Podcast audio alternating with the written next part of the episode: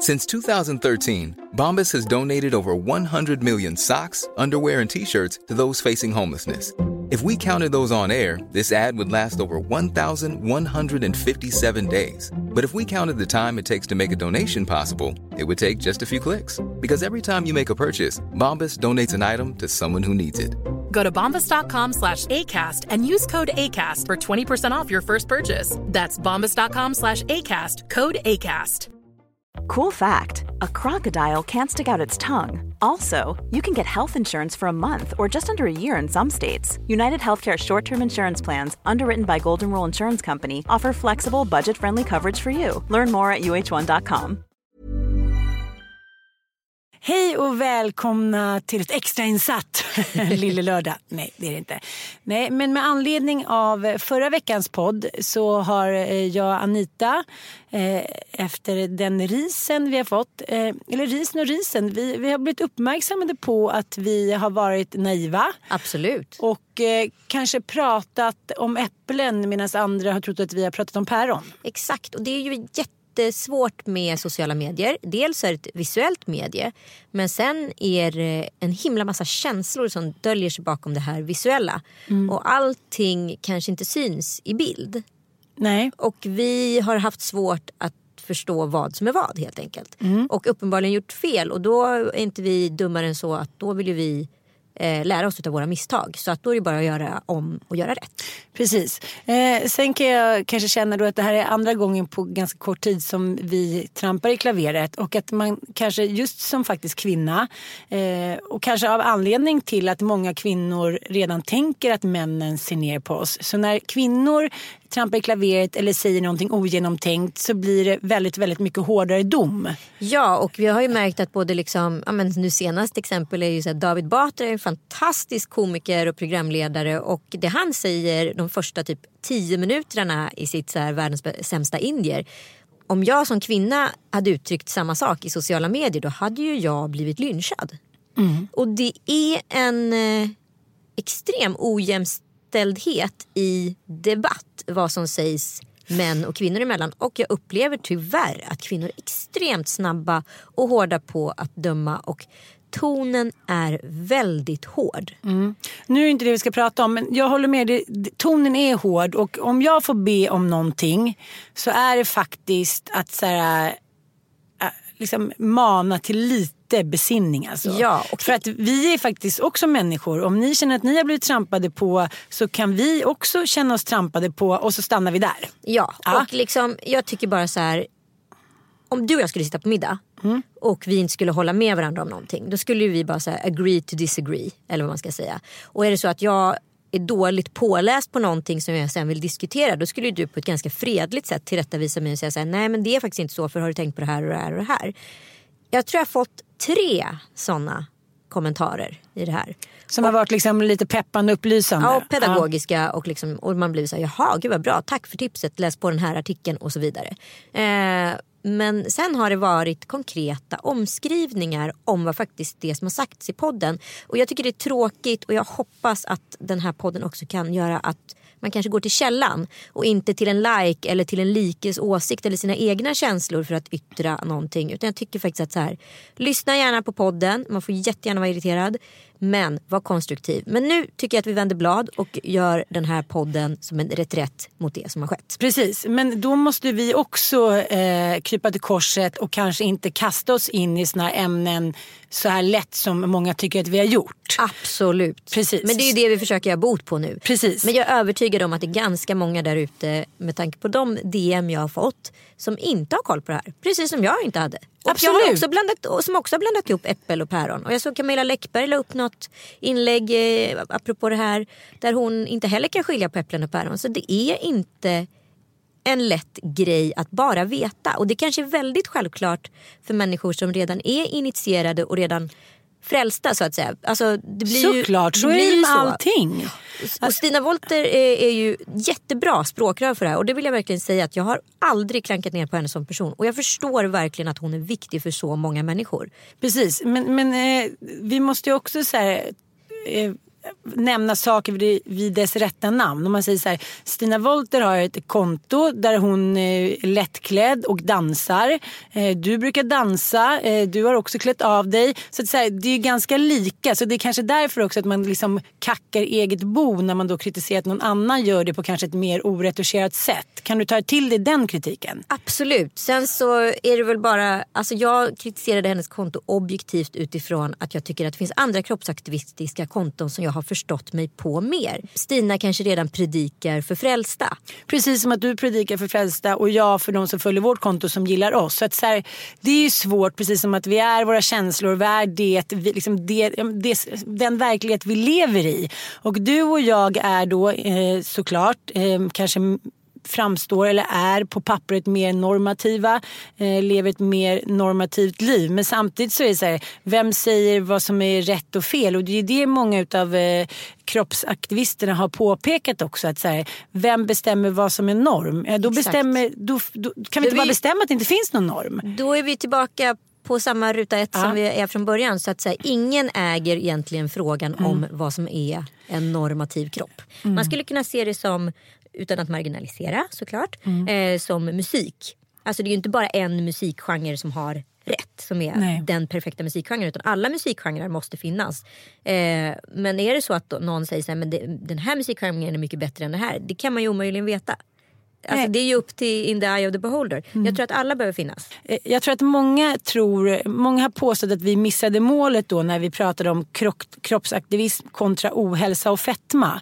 Och det var kanske inte riktigt vår mening. Men vår okunskap inom ämnet lyser ju då igenom eftersom eh, ja, vi kunde inte så mycket som vi trodde och det ber jag om ursäkt för. Och det är därför vi idag har här en, liksom, en eh, fetmaforskare. Men samtidigt så är det så här, det handlar inte om, jag vill inte heller att den här podden ska handla om att vi, har, liksom, att vi vill fetmashima någon. Det har bara med att göra att vi har pratat om någonting som vi inte kan förstå oss på och vi har inte haft tillräcklig kunskap. Nu har vi tagit hit människor som har tillräcklig kunskap och så vi kan prata om de här och kanske nå målet och kontra äpplen och päron till en enda stor härlig äppelkorg. Exakt. Vad är förnuft och vad är känsla? Vi försöker reda ut begreppen. Varsågoda.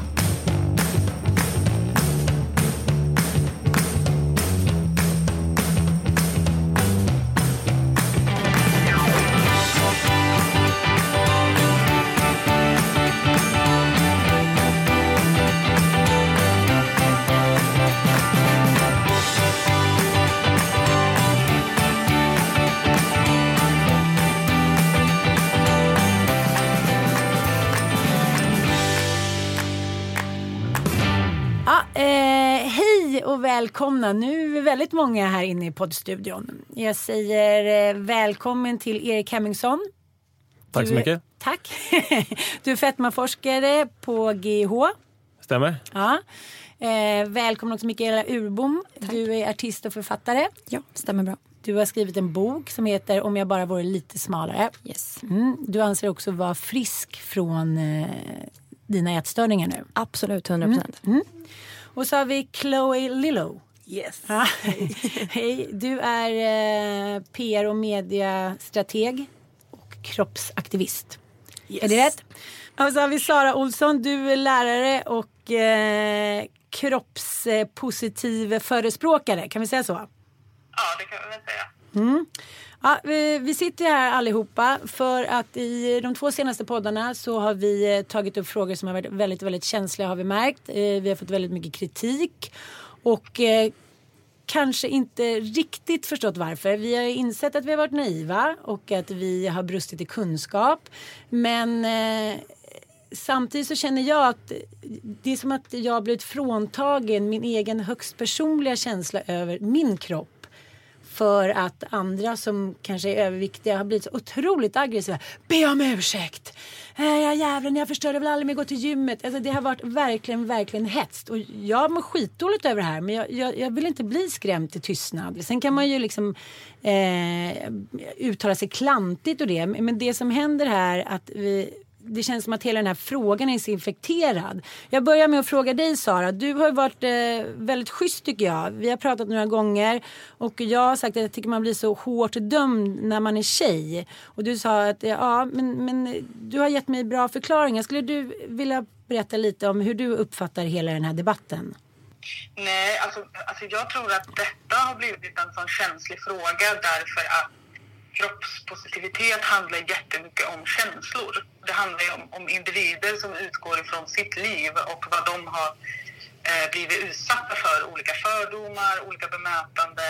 Man har liksom begränsat handlingsutrymme som tjock. Man kan inte eh, man har inte lika liksom, rättigheter att röra sig ute i det offentliga. Och det handlar liksom om vad man upplever och sen också bemötandet från till exempel vården som vi vet bemöter tjocka på ett annat sätt än hur man bemöter smala.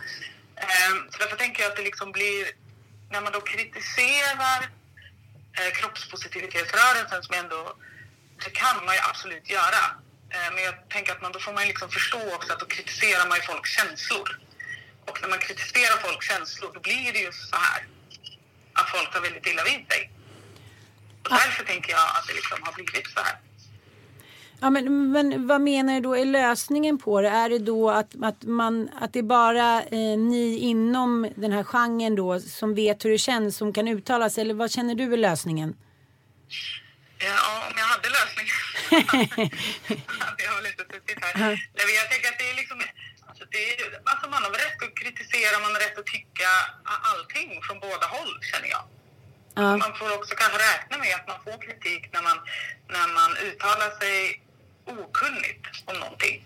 Mm. Eh, och eh, ja, det, var, det, var det, det var det jag liksom kände. Och jag, skrev till, jag skrev ju både till dig och till Anita på Instagram och skrev att jag kände liksom att ni inte riktigt var insatta i det här ämnet. Och så länkade jag till den till en artikel som, som har liksom florerat på internet nu i några månader som är skitbra, som verkligen förklarar liksom det här med, med hur vi stigmatiserar tjocka människor. Alltså sättet att prata om tjocka människor och hur det bidrar till hur man stigmatiserar överviktiga. Och att det i längden kommer ju aldrig leda till att folk blir smala om det nu är det som är målet. Medan vi har liksom en annan diskussion där vi vet att smal inte är lika med hälsosam, alltså per automatik.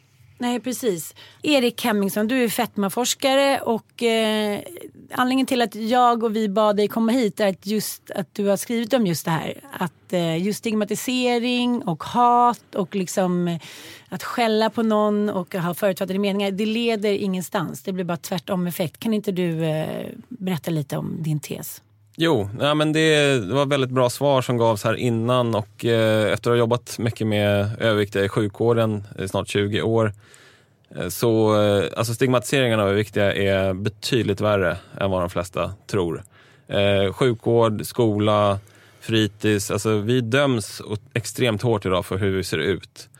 Eh, och det kommer bara spä på den här skuld och skamkänslan som många överviktiga bär på eh, låg självkänsla och så vidare kommer leda in i en, en hel del andra galna beteenden. Eh, inte minst det här med bantning och eh, kroppsfixering eh, Eh, och psykisk ohälsa som i förlängning. Och det kommer absolut inte lösa det här problemet eh, överhuvudtaget. Och skuldbelägga individer är fullkomligt absurt dessutom när över hälften av eh, eh Sveriges vuxna befolkning är överviktiga. Det är in, ingenting som så att säga, orsakas på individnivå primärt utan drivs av helt andra eh, drivkrafter. Som vilka då exempelvis? Eh, väldigt mycket sociala faktorer från vår uppväxt men även ifrån eh, alltså när vi är riktigt små, hur många fettceller vi bildar när vi är riktigt små, även under fosterperioden. Eh, och hur det sen interagerar med den här miljön vi har idag när det gäller skräpmat och utbudet av mat där vi hela tiden lockas att göra eh, dåliga beslut och det, det är produkter som så att säga, riktar in oss på vårt eh, belöningssystem i hjärnan som är extremt svårt att stå emot. Speciellt om man har den här mer komplicerade bilden ifrån barndomen. Chloe? Ja, jag eh, skulle bara vilja så här, förtydliga en sak som jag tror, eller som jag upplever kanske har blivit ett litet missförstånd. Eh, kroppsaktivism har ingenting med vikt att göra whatsoever. Det handlar inte om att vara överviktig, det handlar inte om att vara tjock, det handlar inte om att vara för smal. Och jag tror det är det som kanske blivit lite liksom förvirringen här. För att, att välmående, må bra, vara stark, vara hälsosam, det har ju oftast i debatter med liksom ens vikt att göra. Så här, det kan mätas i det. Liksom, vilket du säger övervikt, ja, det finns då alltså en vikt som kan liksom passeras och då är man klassificerad som överviktig. Som till exempel jag. Men kroppsaktivism handlar ju bara om ens välmående. Så att det handlar inte om att människor vill, bara jag vill kunna väga så här. eller jag vill bli smal eller jag är tjock och jag är stolt över det. Utan det handlar ju om så här, att jag i den kroppen jag är i ska få rätten att få vara lycklig, att få må bra. Och många har blivit provocerade över att stora kroppar har tagit det forumet inom mode, inom liksom lättkläddhet, genom ja, men offentliga rum. Och jag tror det är det som är problemet. Att vi, vi försöker jämföra två poler som inte går att jämföra. Så det andra handlar om det fysiska måendet, alltså vikt och liksom att vara hälsosam i liksom relation till vad man väger. Medan kroppsaktivism pratar ju om att ditt välmående som hur stor eller hur liten eller hur du än ser ut. Att det ska vara okej att få må bra i det stadiet. För det är det som folk pratar om, att i samhället så vi, har vi fått ett ideal som vi ska leva efter. Men det handlar om när man inte lever genom det idealet, att man ändå ska få rätt att vara lycklig och vara bekväm med sig själv. Och det är det kroppsaktivism handlar om. Det handlar liksom inte om vikten. Förstår ni vad jag menar? Ja absolut. Så det har, finns ingenting liksom kopplat till hälsa överhuvudtaget? Nej, utan, utan det det, handlar om känslor? att, nej, men det är ditt välmående, alltså det fysiska. Alltså, jag har ju, som många vet, jag har ju tagit liksom min kroppsaktivism i vardagen. Jag väljer till exempel aktivt att inte ha ett konto där jag väljer ut, liksom, att liksom, ja, men utlämna bilder på min kropp och där jag pratar om det. Utan jag väljer att göra det mun till mun. Liksom. Men många som vet, känner mig i branschen vet att jag ofta tar det platsen och den debatten i person. Eh, och att jag alltid advokerar för liksom, ja, men, alla kroppar och mångfald och att det ska vara liksom inkluderat. Men det folk glömmer är att, att vara kroppsaktivist det handlar ju om att du, precis som du är, och då pratar vi inte om kroppen utan liksom, absolut att kroppen är en del av oss men att du är okej. Du får tycka du är snygg, du får må bra, du får gilla saker som att liksom, samhället inte har sagt att du får gilla. Och det inkluderar mycket att vara stor, att ha liksom, bristningar, att ha liksom, hängpatta, alltså alla de här grejerna, framförallt för kvinnor som vi stigmatiseras kring. Men det är liksom ditt mående som kroppsaktivist pratar om. För du kan vara en liksom Serena Williams, athletic och vara en kroppsaktivist. Du kan vara jag som är, väger 96 kilo och vara kroppsaktivist. För det handlar inte om själva kroppen vi bär utan det är liksom budskapet som vi vill bidra med och det är liksom, liksom self-love. Och det är liksom allt vad det handlar om. Ja, eh, då eh, säger jag hej igen till dig, Mikaela Urbom. Eh, Du har skrivit boken Om jag bara vore lite smalare. Ja. Mm, kan du berätta lite om din väg till, vad ska jag säga, till ätstörningar? Vad föranledde det här? Ja, alltså det finns ju så många olika komponenter och jag kan inte säga så här, ja, det här var 100% det som gjorde att jag blev sjuk. Men det, jag har funderat kring ganska många olika olika komponenter som fördes ihop. Liksom.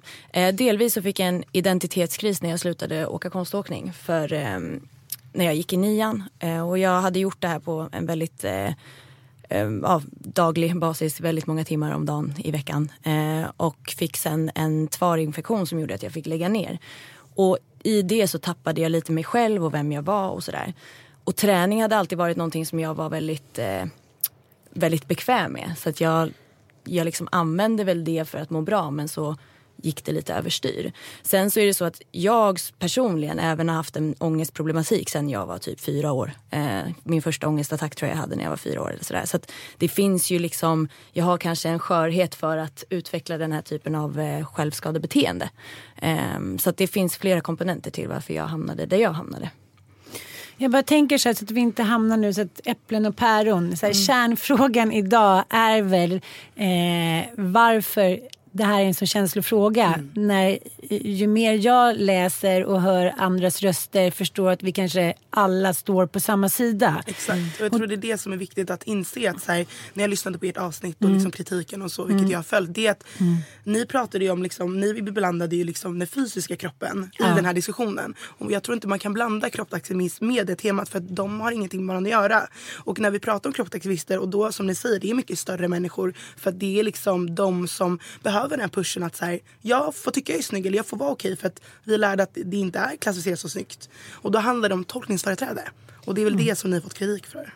Absolut, samtidigt så blir det ju också eh, det, jag försvarar verkligen inte vårt beteende för jag förstår verkligen vad du säger mm. Chloe. Eh, men det som blir problemet tycker jag många gånger i diskussionen det är att om man inte har förstått det här tidigt, vilket jag är ganska säker på att väldigt många av våra lyssnare inte har då ska man straffas för det. Alltså och det, det är någonting som jag tycker också att vi verkligen ska föra vidare diskussioner. För där tror jag diskussionen med att du upplever att efter efterhand att vi kanske är på samma sida. Och det är vi. Och jag tror det är det som är också lite problematiskt. Att vi inom den här rörelsen, framförallt vi kvinnor, att vi vi väljer, alltså jag tycker att man ska välja sina fighter annorlunda. Jag tycker inte att liksom, vi ska kritisera varandra, att man ska straffas av okunskap. Sen kan jag förstå att vissa blir provocerade, blir frustrerade och vill säga sin åsikt. Men jag tycker det är viktigt att alla ska få lära sig i sin takt. Och sen så är ju ni offentliga rummet och jag kan tycka att er kritik eh, liksom inte var befogad på, på en viss nivå. Eh, samtidigt som jag tycker att det är viktigt att liksom, ta ansvar och ta till sig, vilket jag faktiskt tycker ni gör nu. Mm. Så nej, jag tycker inte man ska liksom, det ska inte bli någon pajkastning för det är inte konstruktivt. Hur funkar det med kroppsaktivism? Du som kommer från, vad ska jag säga, nu, nu handlar det inte om fysik utan andra situationen då? Ja, ja men precis. Jag, jag har ju liksom haft anorexi då så det är ju en annan, en annan sida. Så jag ja, jag kan ju bara prata för det och min liksom, historia så. Um, för mig när jag till exempel skrev den här boken så jag var väldigt noga att bara skriva utifrån min historia så som jag hade min, såg min resa. För att det är så otroligt olika var man kommer ifrån. Speciellt i den eh, sjukdomsproblematiken. Um, jag tycker att det finns en bild i media att det handlar ganska mycket om uh, det här med utseendefixering och sociala medier, att det skulle vara den hela orsaken till att man blir anorektiker. Vilket jag tycker är att ser lite för lätt på sjukdomen för den finns, det är väldigt mycket mer komplext än så. Sen kan det absolut vara en bidragande orsak och i vissa fall kanske hela orsaken, det kan jag inte uttala mig om. Men jag vet så otroligt många människor där det handlar om helt andra psykiska problematiker och även trauman och saker man har varit med om som gör att man vill göra det här självskadebeteendet. Och det är egentligen samma sak som om du tänker att du gör självskadebeteende åt andra hållet, det vill säga hetsäter eller vad det kan vara. Eh, du straffar dig själv liksom. Jo men det är precis som Erik sa att eh, man kan inte skuldbelägga åt något håll oavsett om en person är överviktig eller underviktig. För att det handlar om en annan problematik som gör att du får de här beteendena. Som gör att du beter dig på ett visst sätt för att skada dig själv. Och det kanske är ännu mer tydligt liksom hur vi stigmatiserar eh, överviktiga personer men även folk med nätstörning där det lätt blir att det är ett tjejproblem som, som har med kroppsfixering och utseendefixering att göra. Mm. Vilket inte är hela sanningen tycker jag. Nej, eh, Erik, du som har forskat kring det här och även startat upprop med två andra forskare kring att vi måste ändå liksom eh, uppmärksamma det. Annars har vi en eh, stor, stor hälso, stort hälsoproblem, vilket vi redan har. Det är väl det här jag vill... Jag vill såklart inte att vi ska fastna i det här med, med, med, med övervikten och fetma och hit och dit. Men du har också forskat kring det här, vad det är som orsakar det här. Det är genetiskt, och det handlar, men det handlar också mycket om psykisk ohälsa. Det kan vi inte, inte låtsas om. Nej, verkligen inte. Nej. Eh, och, eh, alltså, vi har haft alldeles för enkla förklaringsmodeller och det är liksom springa mer och äta mindre som har gällt. Och det är ju bara en pytteliten del av det hela. Det finns en stor variation, alltså vissa utvecklar övervikt, precis som eh, vi hörde här om anorexi, att väldigt olika vad det är som kan trigga det här. Eh, och eh, det har inte så mycket med vår livsstil att göra. Livsstil är väldigt viktigt för vår hälsa och vårt välmående. Och då tycker jag att vi måste börja tycker jag, med, med den inre hälsan eh, och att vi mår bra i själen först och främst. För att annars så halkar vi in på de här galenskaperna åt, åt bägge håll så att säga. Så må bra i själen först, fokusera på livsstil och få balans. Därefter har vi alla som individer vettiga förutsättningar att hitta en konstruktiv lösning. Så det är den enda vägen att gå som jag ser det. Men jag tycker också eh, det som eh, vi återkommer till, eh, även jag och min kompis kollega Sanne Lundell när vi föreläser om medberoende och liknande så är det den här dopaminet som vi är ute efter. Och det spelar ingen roll om det handlar om mat, sex, shopping eller liknande. Eh, ja, missbrukar du något så missbrukar du något för att du liksom dopaminnivån, du behöver högre och högre doser för att nå dit.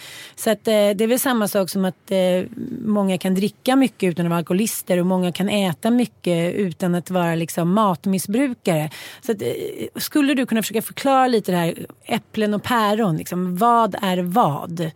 Eh, som till exempel du pratar om att mycket sker i barndomen men många vågar inte ens prata med sina barn om fetma för att de tror att de stigmatiserar. och det tror inte jag heller på. Jag menar, all forskning säger så här, så länge vi pratar om det så blir det liksom ingenting man ser i spegeln men om, om man, någon annan berättar för en och ens föräldrar låtsas som att det regnar som hela medberoendekulturen är att man säger jag har också vuxit upp i det att ingen säger vad det är som gäller. Det är bara tystnad, mamma är ledsen, pappa är full. Men ingen säger dagen efter ska allt vara som vanligt. Det funkar ju inte heller. Det kan ju inte heller vara vägen. Och då känner jag det som har hänt nu så känner jag så här Eh, det är ju nästan så att man blir skrämd till tystnad bara man tar upp ämnet. Och man kan inte liksom som poddare ha fil. kand i varenda ämne. Sen behöver man inte vara naiv. Och jag är faktiskt jätteglad för att det här hände. Jag känner mig liksom som en del av den här momenten. Men man måste ju också här, inte låtsas om att den psykiska ohälsan eller ohälsan inte finns. Det blir också liksom fel väg att gå. Att man bara ska tysta det. Ja, verkligen. Så det har ju liksom varit någon, en hög som har legat under vår kollektiva matta kan man säga, som har gått och snubblat på då och då. Eh, och det löser ju absolut ingenting utan vi måste ju prata om det här och, och, och debattera, diskutera. Eh, det är ju själva nyckeln till att komma vidare. I Sverige har vi ju en väldigt snäv åsiktstratt överhuvudtaget. Så går du lite utanför den, då kommer du bli påhoppad. Det är ett ganska tråkigt eh, debattklimat vi har i Sverige. Så är det inte alls i andra länder. Och vi behöver komma vidare från det här och liksom prata om vad det är som är reella problem. Och det kommer inte vara någon lätt diskussion. Och jag har inget monopol på sanningen heller, men alltså om vi inte pratar om det, då har vi redan förlorat. Men hur förenar man då de här två? Upplever ni samma sak, eh, alltså Mikaela och Chloe, utav kroppsaktivism? Betyder det samma saker för er? Absolut inte, men du kan börja. jag har aldrig funderat riktigt kring ordet kroppsaktivism om jag ska vara helt ärlig. Utan jag har verkligen fokuserat på den problematiken som jag har haft eh, vad det gäller ätstörningar och främst då anorexi eftersom att det är det jag mest kan och det är det som jag har erfarenhet av. Eh, sen så blir jag väl någon form av kroppsaktivist i alla fall. Eller jag skulle bara vilja säga välmående aktivist för jag vill att folk ska må bra. Eh, och jag tycker, för min del så tycker jag att det återigen hela tiden kommer till vårt utseende och precis som Chloe sa, vår vikt på vågen. Att det är det som spelar roll hela tiden. Och oavsett om man ska försöka prata om det i positiv bemärkelse eller i att liksom kasta skit på varandra så handlar det alltid om utseendet. Att det är så här, vi ska börja älska hur vi ser ut och vi ska börja tycka om det. Och jag har stått framför spegeln när jag var anorektiker och försökt tycka om mig själv och säga positiva affirmationer och allt vad tusan det är. Men det gick inte. För att jag mådde inte bra i mig själv. Så att jag ser det jag känner och det jag känner är skit. Så jag ser skit i spegeln. Och jag kunde liksom inte börja tycka om mig själv förrän jag började fokusera på någonting annat än mitt utseende. För min del handlade det om vad min kropp kunde göra. Jag har alltid älskat att idrotta. Så jag liksom kom tillbaka till att ja, men nu kan jag vara stark igen. Jag kan springa igen. Jag, har, jag sitter inte i rullstol, vilket jag gjorde ett tag. Um, och det blev värdet för mig. Och till slut då så började jag till exempel älskar min kropp. Jag har alltid haft komplex för mina ben. Men när jag insåg vad de kunde göra, att jag var jättebra på att hoppa till exempel i dansen och sådär. Eh, att jag var liksom snabb och spänstig och stark. Då började jag tycka om hur de såg ut också. För jag hade ändrat mina ideal och min idealbild. Vad som var viktigt liksom.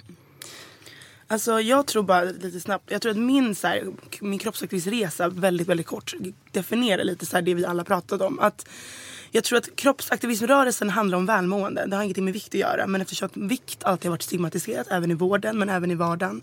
Eh, speciellt för oss kvinnor, det är ingenting som liksom är nytt. Eh, det visar bara på att när man väl behöver den här pushen att så vara nöjd över hur man ser ut.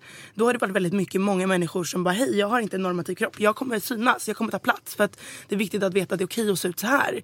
Sen så är välmående kroppsfysiskt en helt annan grej. Så till exempel jag har ju alltid varit överviktig. Eh, eller större del av mitt vuxna liv. Och alltid advokerat för liksom, ja, men, body positivity och liksom, ja, men att alla ska få se ut som de vill, vara stolta över hur det ser ut. Eh, och det var för att jag insåg att okay, men jag måste ha bra självkänsla innan jag kan ta mig an min fysiska kropp. För att precis som liksom du säger, det finns ju en anledning till varför man är överviktig. Sen finns det självfallet människor som har övervikt men har bättre liksom, livsstil än många som är smala. Man kan liksom inte mäta det, det är väldigt individuellt. Men för mig när jag kom till en punkt så bara, nej men nu mår jag bra, nu har jag bra självkänsla. Då gjorde jag en gastric bypass i våras, i januari. Och har sedan dess gått ner väldigt mycket i vikt. Och det var för att jag kunde ta tur med mitt välmående liksom fysiskt. För att jag hade kommit till en punkt där jag hade liksom blivit pushad av de här kontona. Jag hade lärt mig älska mig själv, mina brister, mina prioriteringar. Precis som liksom Mikaelas liksom omprioriterades. Så här, vad är viktigt för mig? Jo, men nu är det viktigt att jag mår bra, jag är självsäker. Men det är också viktigt att min kropp jag kunde ta det nästa steget som du Erik nämnde tidigare.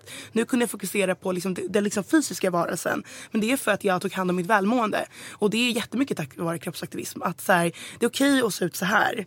Det är okej att vara den jag är, det är okej att ha bristningar, det är okej att vara plus size. Och när jag blev okej med den kroppen jag levde i, då liksom blev mina prioriteringar helt annorlunda. För att jag kunde fokusera på, okej okay, men vad vill jag göra med den här kroppen?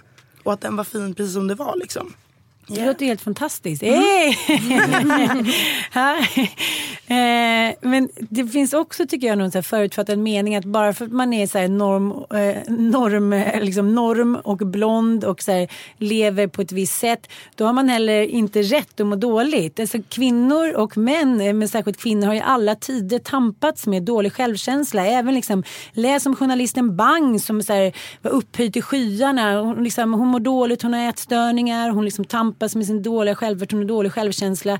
Det är jag med. Anita. Jag vill bara inte att det ska liksom att det ska tas ifrån alla Mm. kvinnor. Att vi alla, hur kan vi, liksom, hur Jag kan vi tillsammans göra för att hjälpa varandra istället för att stjälpa varandra? Och jag tänker liksom... Eh, Det för handlar dig, väl inte ja. jämföra sina kamper utan att bara äga upp sin egen. Och jag tror att där är det liksom så här, ja men alla pratar om PK i Sverige så men ibland tror jag det handlar om tolkningsföreträde. Och att så här, självklart kan man känna frustration om man lever under liksom, ja men alla kan vara förtryckta eller känna liksom att saker är jobbiga och det är ingen som ska ta ifrån dig det. Men om man jämför det med kontext där man kan lägga på flera lager av förtryck då blir det ju indirekt att de som blir mer förtryckta känner sig så okej men varför jämför du oss när vi båda- vet att min verklighet är värre än din och ändå ska du sitta och yttra dig och lite så här, ja men ni fattar lite ilandsproblem. Ja, men det... är det- inte okej att sen kritisera, det håller jag med om. Mm. Men jag tror att vissa människor har ju byggt upp en så stor frustration Absolut. att det blir väldigt lätt, liksom, att man blir kränkt helt enkelt. Jag tycker att det finns en, också en så problematik i det här som du säger att så här, um, ja, men jag som är norm och jag är blond och jag lever på ett visst sätt och sådär. Men samtidigt, det är också så här, det finns ingen som kan veta hur du mår och hur du eh, utifrån hur du ser ut. För det där kände jag ganska mycket när jag hamnade i en, eh, i en träningsproblematik också som jag fick eh, utöver min anorexi. Att jag såg väldigt vältränad ut under en period men min kropp mådde väldigt dåligt för att jag hade alldeles för låg fettprocent. Men bara för att man äter grodor och spenderar sex timmar på gymmet så tycker folk att man är en duktig hälsosam person. Eh, men jag höll faktiskt på att dö. Liksom. Eh, så att det där är också, återigen, jag tycker att vi baserar våra åsikter om andra människor utifrån hur de ser ut istället för att bara lyssna på deras historia.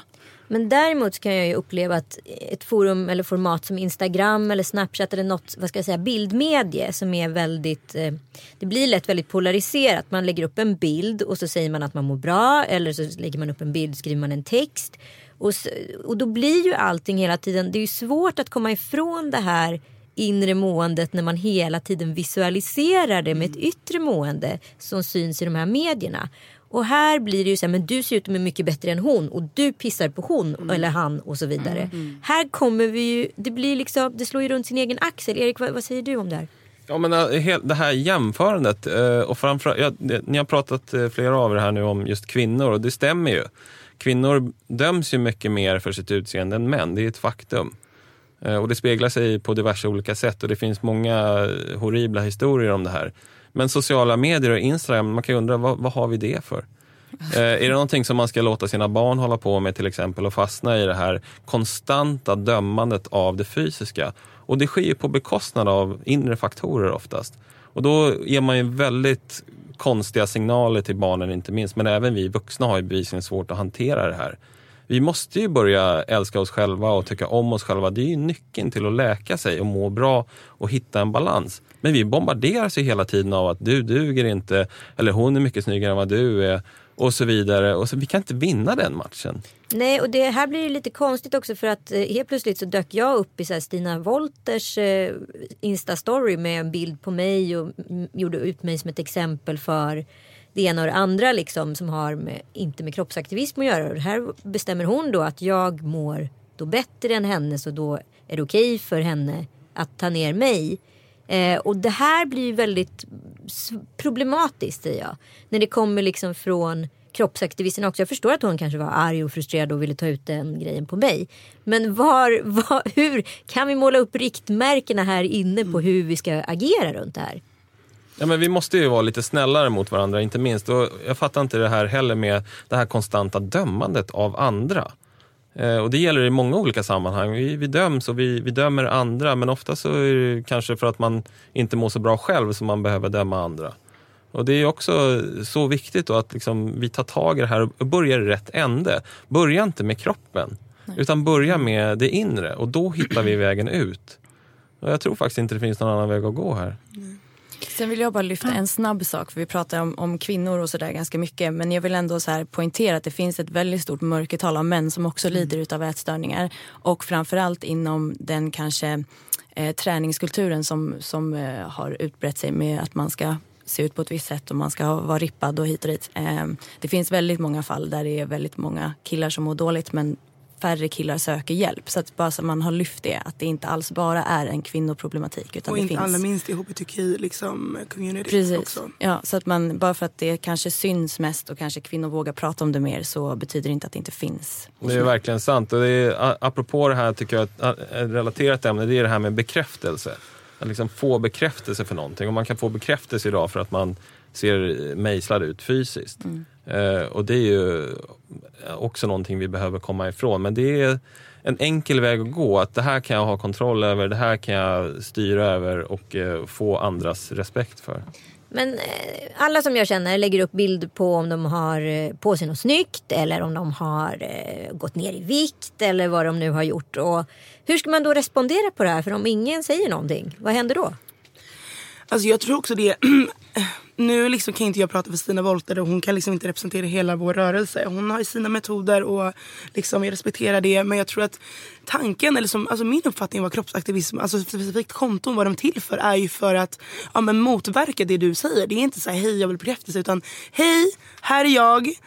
Jag är inte på grund av utan för att så mår jag bra. Och att man liksom försöker skala av de här äh, stereotypiska visuella så att säga lagren som vi lägger på eller filtren vi lägger på i livet för att liksom bibehålla någon typ av så här, så här bra i mitt liv. Sen så tycker jag liksom inte att man ska döma. Alla gör ju inte det på grund av samhället. Alla gör ju inte det på grund av att liksom passa in.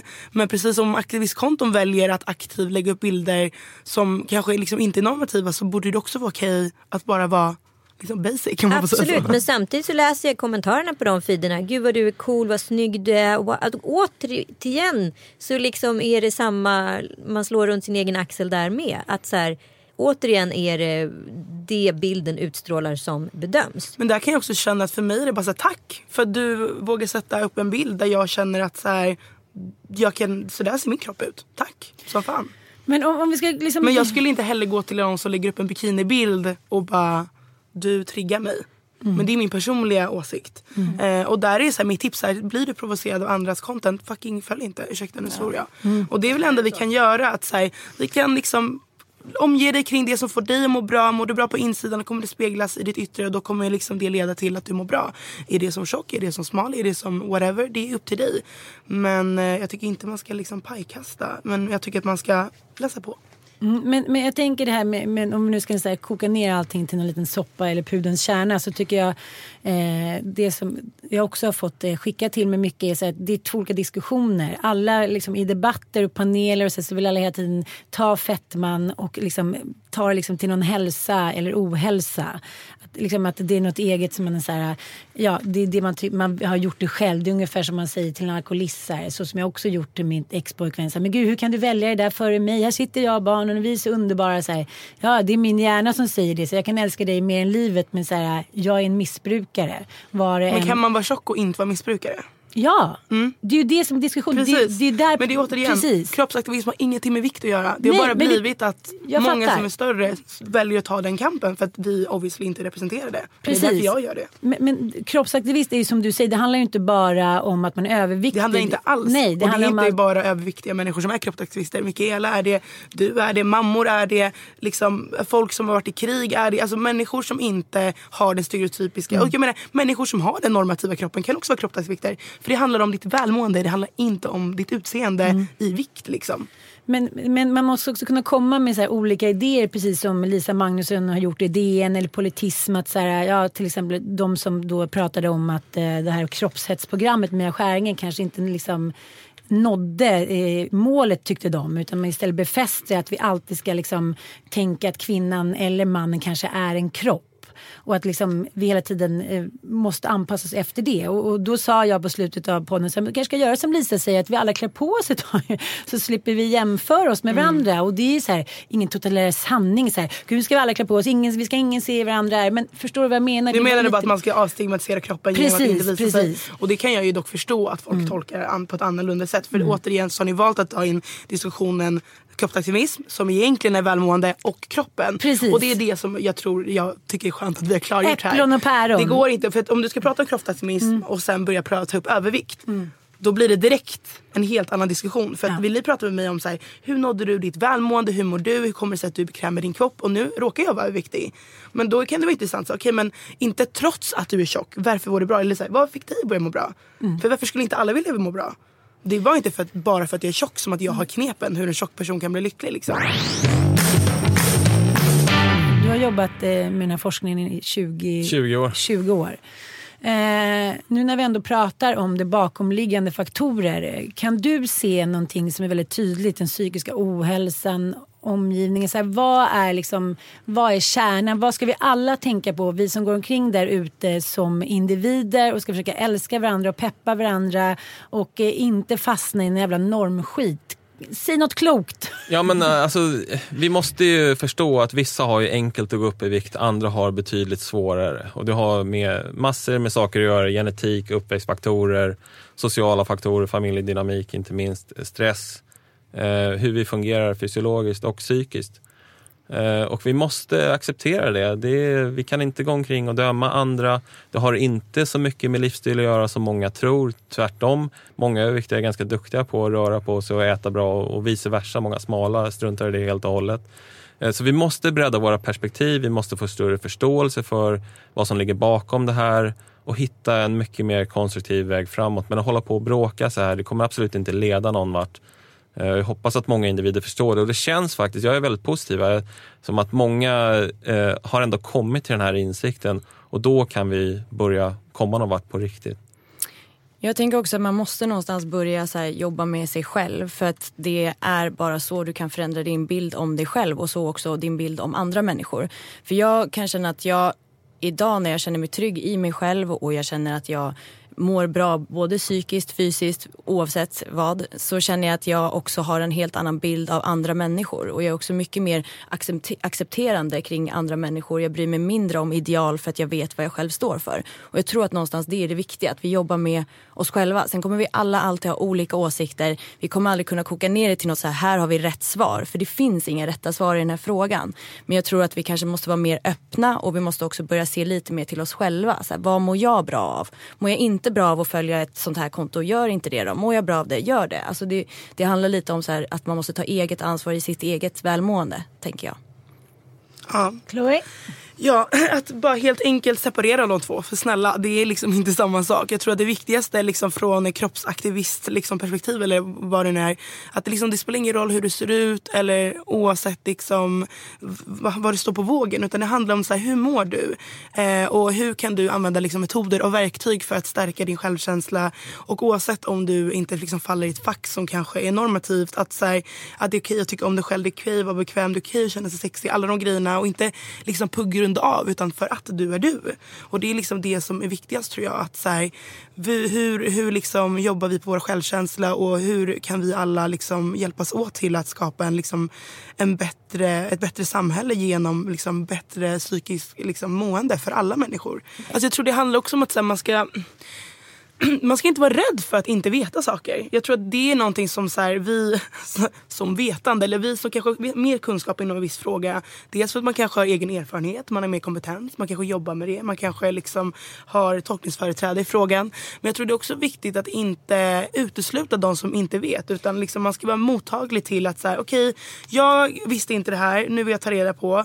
Eh, men jag kan liksom också förstå att det, det blir också så här en viss, det, men ni vet som med killar. Ja men killar blir killar, nej, killar är så. Det kan vara lite samma sak för oss i kroppsaktiviströrelsen. Att liksom folk gör misstag som visar, men vad fan.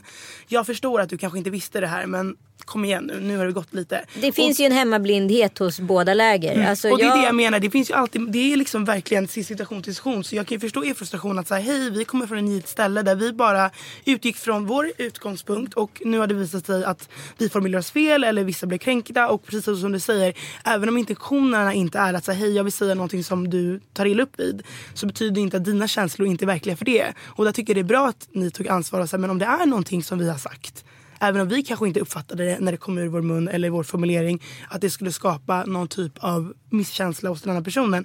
Att ni ändå tar ansvar för det och ägenteskap och att säga okej men vad är det som händer? Och jag tror bara efter den här diskussionen att det man kan lära sig utav den här erfarenheten, för det är viktigt, så man kan gå vidare sen. Det är att man man liksom inte är rädd för att diskutera saker. Jag tycker det är viktigt. Det är så vi lär oss. Det är så vi människor får kunskap. Livets hårda skola som man brukar säga.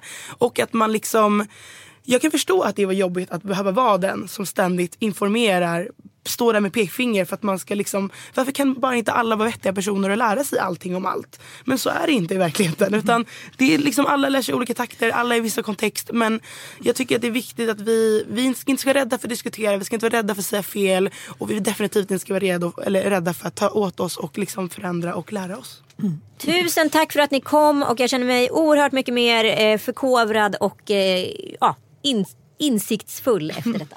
Och jag har börjat följa en massa konton som jag tycker är så spännande. Eh, jag tycker att det här känns bra och eh, du kommer ut med en bok snart. Ja. Eh, den heter? Slutbantat.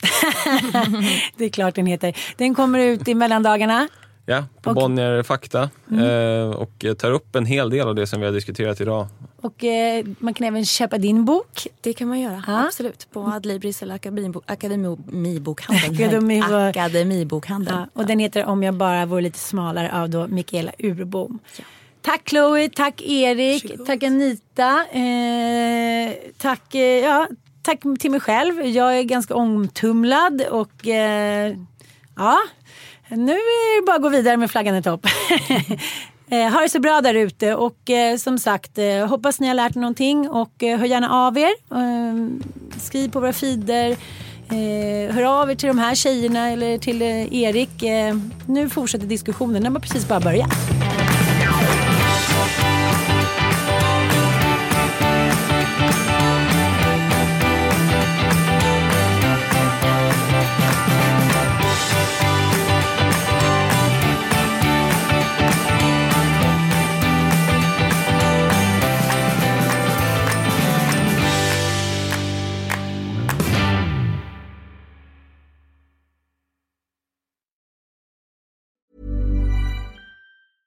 Cool fact a crocodile can't stick out its tongue. Also, you can get health insurance for a month or just under a year in some states. United Healthcare short term insurance plans, underwritten by Golden Rule Insurance Company, offer flexible, budget friendly coverage for you. Learn more at uh1.com. Planning for your next trip?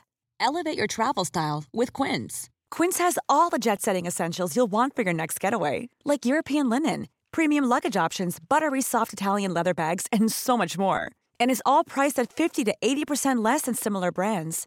Plus, Quince only works with factories that use safe and ethical manufacturing practices.